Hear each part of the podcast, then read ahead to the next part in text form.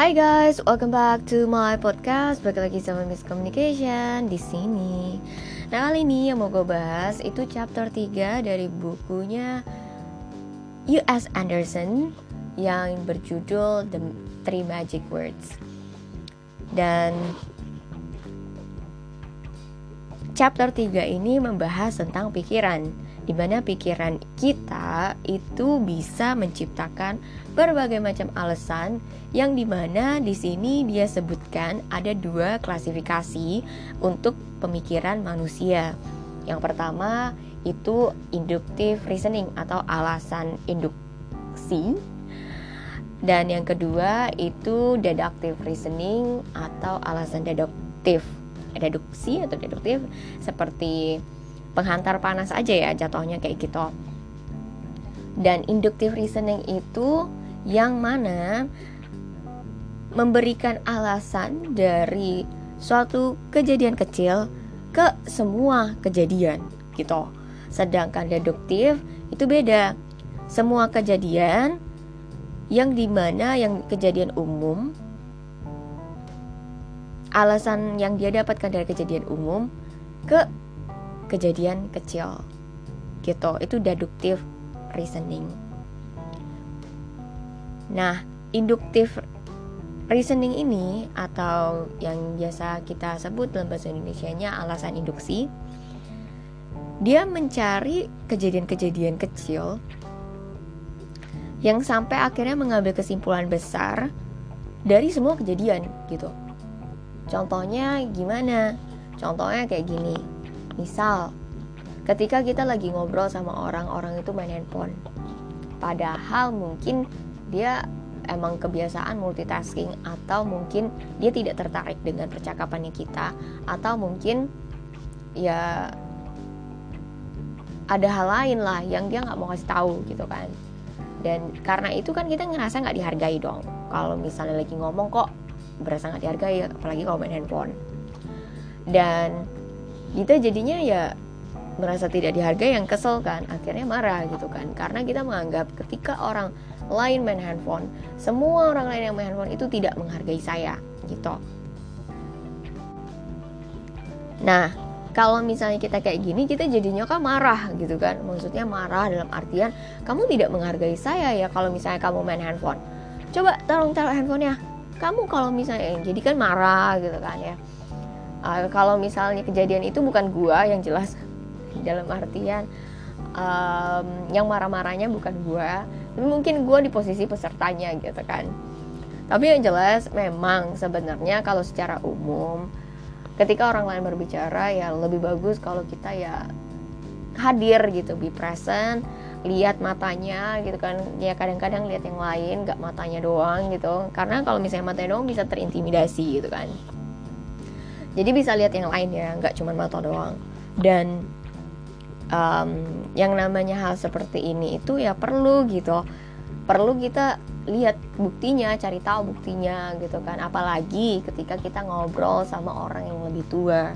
Bahaya banget. Kita ya um, jaga manner lah. Dalam artian ya tahu gitu loh sopan santunnya seperti apa. Dan kalau misalnya nih someday kita lagi ngomong dan ngerasa nggak dihargai ya kita bisa bilang apa yang kita mau. Karena ya mungkin itu kebiasaannya kita gitu. Kita langsung ngomong jangan marah-marah gitu kan. Apalagi menggunakan induksi reasoning. Dalam artian alasan induksi ini yang akhirnya membuktikan iya kalau kayak gini kebanyakan itu tuh nggak menghargai gue gitu kan. Padahal ya mungkin nggak mungkin enggak urgent atau mungkin dia lagi merasa tidak mau berbicara gitu kan. Jadi tanya kalau misalnya emang kita ngomong penting ya kita bilang kamu boleh nggak taruh dulu handphonenya? Karena yang aku ngomong penting. Bentar aja. Abis itu udah kok nggak lagi gitu.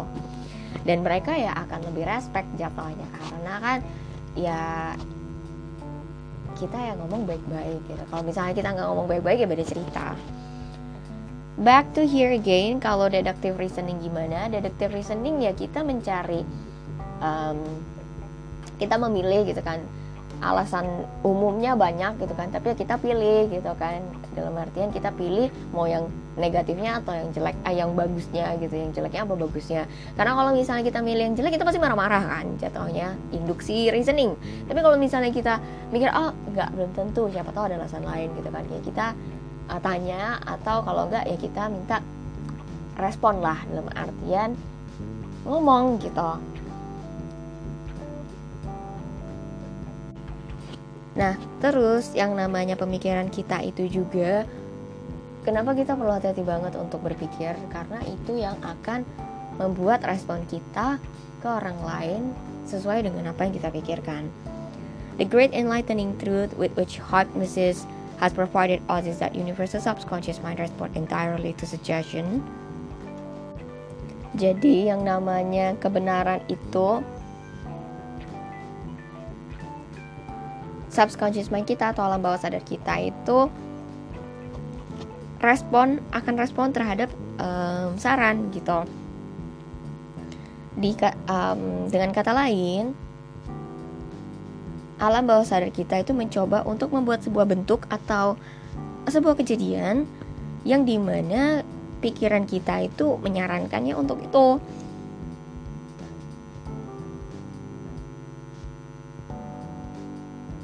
Jadi tugasnya kita ya ya kita perlu cari tahu yang benar-benar kita pengen apa. Kemudian ya berdoa dan akhirnya ya jangan ragu hal itu yang bisa bikin kita dapat apa yang kita mau. Yang namanya pikiran sadar itu tuh kita itu tuh pikiran sadar tuh dalam artian kita setiap hari ngapain. Kalau misalnya ada orang yang ngelukain kita kita bakal ngapain gitu kan kita bakal ngerekam kan. Terus kita ya tetap ingat gitu loh lu ngelakuin ini sama gue ya lu begini sama gue ya gue bakal kayak gini loh gitu dan abis itu yang ngerekam saking banyak rekaman yang kita mungkin bisa pilih gitu kan sebenarnya. Tapi karena kita ya udahlah biarin aja conscious mind bekerja sesuai dengan apa yang udah ditanam selama ini gitu kan.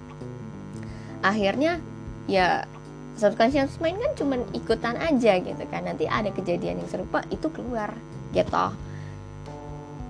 Dan yang namanya memori dari subconscious mind itu ingatan subconscious mind itu itu tuh perfect banget kayak 100% perfect sempurna. Kita tuh cuman kayak panggil aja recalling gitu kan. Recalling dalam artian maybe orangnya beda tapi misalnya coincidence-nya sama gitu kan kejadiannya sama circumstances-nya sama.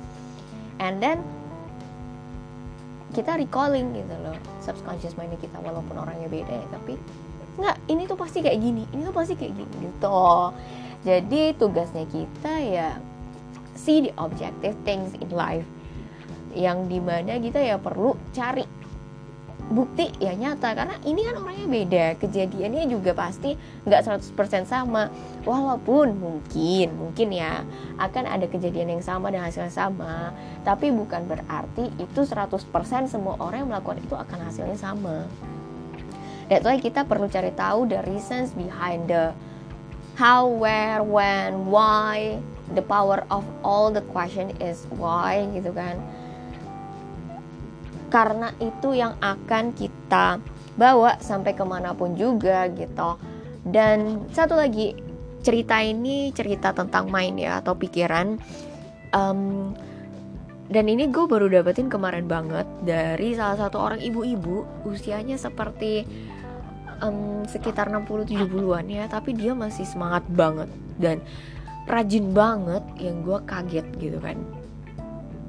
Dia waktu itu um, lagi bawa 3 kilo ikan apa dan 2 kilo ikan apa gitu kan. Ikan cuek sama ikan apa lagi ya? Ikan ikan apa ya dia bilang kemarin? Lucu ikan sirip ikan sirip gitu atau ikan apa? Nggak ngerti deh. Pokoknya ikan asin aja. Dan dia cerita kalau dia jualan ini ikan. Terus buat masak dia bilang kayak gitu kan. Terus gue kaget ah masak sebanyak ini mau pesta atau apa gitu kan.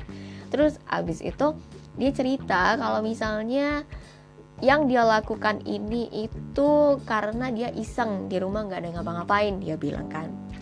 Yang bikin kaget lagi dia bisa punya rumah dari jualan ikan asin aja.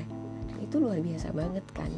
Dan menurut gue nih salah satu contoh yang bisa kita lihat ya apalagi untuk anak-anak muda zaman sekarang yang di mana ya ngelihatnya yang jelek-jelek aja di dalam hidup gitu kan.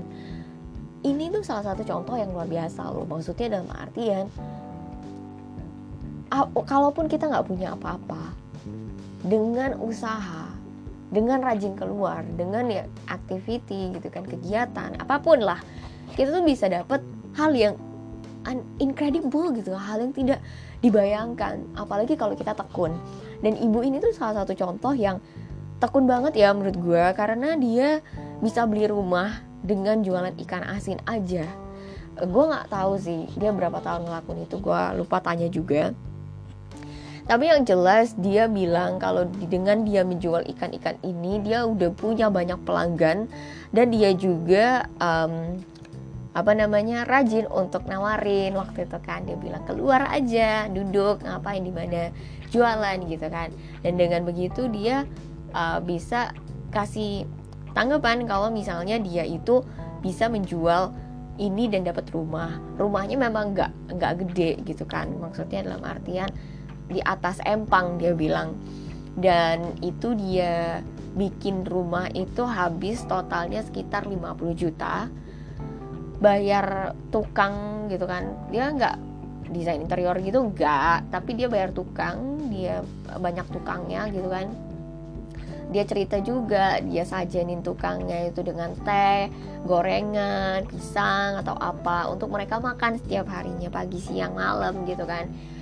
Agar ya rumah dia ya jadi gitu dan jadi beneran jadi gitu rumahnya beneran jadi total habis 50 juta bahkan dia ya yang gue lihat ya dia punya perhiasan gitu kan ya dalam artian um, itu dari hasil kinerja dia selama ini gitu. Bukan berarti dia apa namanya pamer enggak. Tapi dengan dia begitu tuh dia memberikan contoh bahwa apa pun yang kita lakukan, jika kita lakukan itu secara terus-menerus, maka akan ada hasilnya, akan terbayarkan gitu. Seorang nenek-nenek lo bayangin, dia masih rajin untuk cari uang, untuk bekerja, menjual ikan asin dan dia bisa dapat rumah dengan total pengeluaran 50 juta dan itu dia lakukan dari berjualan ikan ini setiap hari gitu. Kepada banyak pelanggan yang jelas. Dan dari situ gue belajar ya untuk ya nggak berhenti semangat untuk tidak meremehkan pekerjaan hal sekecil apa pun gitu kan. Dan juga tetap tekun karena nenek ini dia bener-bener cerita juga awalnya ketika dia jualan itu malu dia bilang. Ya waktu saya jualan mah malu neng. Malu ya minder ya ragu gitu kan. Tapi sekarang udah nggak biasa aja. Jadi gue ngerasa kayak wow luar biasa ya.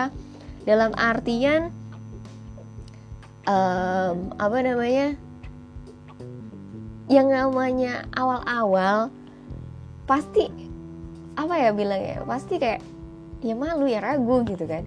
Tapi habis itu ya karena udah passion gue udah jalanin aja. Dan passion ibu ini adalah berjualan ikan asin dan itu punya hasil. Hasilnya rumah senilai 50 juta. Dan mungkin tabungan juga gitu. Dan dari sini ya kita ya bisa apa namanya bisa menilai gitu.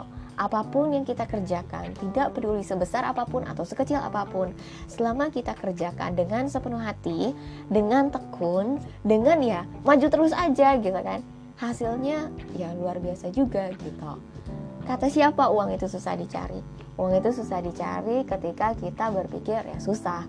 Tapi kalau misalnya kita mau mencoba melakukan apa pun, hargailah hal-hal kecil sekalipun, terima dan lakukan terbaik bahkan lebih baik ini juga yang akan membuahkan hasil pada waktunya jadi buat teman-teman sekalian um, ini adalah salah satu contoh yang nyata ya yang gue lihat dalam artian menginspirasi sekali seorang nenek-nenek yang di mana dia tetap rajin untuk mencari rejeki dari aktivitas dan tidak peduli seberapa uh, tuanya dia, umurnya dia berapa, dia tetap jalanin terus. Dan ya itu jadi teguran juga buat gue gitu untuk ya lebih rajin lagi, lebih nggak malas lagi gitu kan. Karena dia aja masih rajin gitu. Dan dia menghasilkan, masa dia bisa gue nggak bisa gitu kan. Jadi ini salah satu contoh yang untuk trigger anak muda, untuk trigger juga diri gue juga gitu, untuk ya be better in life gitu. Jadi lebih baik lagi dan lebih baik lagi. Karena dengan begini kita itu bisa memberikan impact for life. Gak usah takut uh, rejeki itu gak akan ke mana. Jodoh gak akan ke mana, rejeki gak akan ke mana. Kita cuma perlu tahu what do we want in life, kita pengen apa? Dan ya keep doing it gitu. Keep in faith, keep it doing it gitu kan. Dan juga don't forget to pray to God gitu. Karena ini yang jadi semangat kita setiap hari. Kalau enggak ya susah. Kita bakal males-malesan terus kita nggak ada semangat gitu kan. Apalagi um, ketika kita udah punya pemikiran kayak yang jelek-jelek terus tentang kehidupan ya kita ya susah buat jalanin aja udah males banget gitu jadi be good keep in mind everything that's good if we think it's good, it's going to be good. If not, it's not. Berarti kalau misalnya enggak, kita mikir baik nih. Kalau misalnya kita ketemunya yang enggak, ya berarti bukan dari orang itu yang baiknya. Gitu. It's gonna be different people. Tapi yang jelas, keep in mind what do you want. If you want to be good, be good. Kalau misalnya nggak dapet good, it means bukan dari orang itu, other people, gitu um, kemarin juga gue lagi denger violence eh bukan violence uh, sorry um, Florence Florence Convulsions jadi dia pengarang buku yang gue suka banget dan dia juga cerita dia punya pengalaman tentang orang-orang dan fakta kehidupan karena dia truth teacher kan. Um, guru kebenaran gitu kan. Dalam artian dia mencari yang benar-benar gitu kan yang baik-baik. Karena yang baik itu selalu datang dari Allah gitu kan. Nah dia cari nih dia cari-cari cari-cari mana yang baik ya kira-kira gitu kan. Dan um, ini bukti gitu loh kalau misalnya hukum karma itu berlaku. Nah gue nggak tahu ya itu beneran apa enggak gitu kan. I mean bukan kejadiannya tapi bener nggak itu termasuk hukumnya. Dan ini tuh menarik banget sih karena dia cerita kayak gini jadi ada satu cewek, yang cewek ini tuh suka banget sama satu cowok. Jadi dia tuh berdoa terus buat jadian sama cowok ini gitu kan. Jadi ya, jadi ya dia berdoa dan dia uh, ngobrol sama Florence ini. Dia bilang, uh, Florence gue suka banget sama si A, dan gue berdoa terus biar si A tuh jadi jodoh gue katanya gitu. Terus abis itu Florence bilang, um, aku tahu sih pemikiran kamu itu apa gitu kan. Tapi ya kita kan punya hukum alam gitu hukum alam semesta bahwa ya apa yang kamu mau mendingan berdoanya apa yang kamu mau itu yang terbaik buat kamu bukan apa yang kamu mau itu dia gitu kan itu seperti seolah-olah kita memaksakan dunia untuk membuat dia tuh jadi punya gua gitu kan tapi kalau misalnya kita berdoa apa yang gua mau, yang terbaik dari dunia untuk gua, itu yang akan menarik menarik yang emang untuk kita gitu. Bukan orang A, B, C, D, tapi yang emang untuk kita. Jadi ya apa ya bilangnya? Hmm, ketika itu ya akhirnya perempuan ini, cewek ini akhirnya berdoa cari gitu kan. Yang di mana doanya itu adalah dia mau apa yang memang untuk dia gitu kan. Sampai akhirnya ketika dia jalan sama si A dia ngerasa biasa aja biasa aja lama-lama tuh biasa aja. Dan ketika itu datanglah si B yang di mana B ini ngerasa cewek ini tuh untuk dia gitu yang di mana cowok ini ngejar-ngejar si A gitu. Eh ngejar-ngejar cewek ini si B ini ngejar-ngejar perempuan ini dan perempuan ini pas jalan sama si B dia ngerasa kayak oh iya kayaknya si B ini untuk gua gitu. Dan akhirnya dia jalanin jalanin jalanin. Dan ternyata ya benar Florence bilang gitu kalau misalnya lebih baik kita berdoa untuk yang terbaik untuk kita. Karena kalau kita memaksakan apa yang mungkin itu bukan terbaik untuk kita ujung-ujungnya pisah gitu kan. Ya sedih banget kan jadinya gitu. Ya ngapain gitu. Jadi kita lebih baik ikhlasin aja uh, berpikirlah yang baik itu bukan memaksakan apa yang kita inginkan. Karena kalau misalnya kita maksain apa yang kita ingin dan kita dapet ya belum tentu kan itu untuk kita gitu. Karena apa? Yang bukan untuk kita ya akan pergi juga nantinya gitu. Ngapain? Lebih baik ya pelan-pelan aja mintalah apa yang memang untuk kita. Kalau bukan ya udah lepasin gitu. So I think this is all for today. Be careful with your mind. Be careful with your what you're asking for gitu kan. Hati-hatilah dengan pikiran. Hati-hati juga dengan apa yang diinginkan gitu kan karena ketika kita menginginkan sesuatu kalau memang itu untuk kita itu akan datang. Kalau bukan gak usah kecewa gak usah sakit hati. Cari tahu mungkin dia bukan atau mungkin barang itu bukan atau mungkin keinginan itu bukan. Dan cari tahu lagi keinginannya udah benar apa belum. Kalau misalnya keinginannya udah benar hasilnya pasti benar dan hasilnya pasti yang akan terbaik buat kita. Nggak perlu khawatir nggak perlu ragu nggak perlu takut akan kurang nggak dapet. Karena ya kalau kita menginginkan sesuatu dari kekurangan ya ya gimana mau dapet gitu kan itu aja. Oke okay, guys thank you so much for listening. I hope it will benefit you and your life and your friends and your um, everything gitu. Thank you so much and have a great day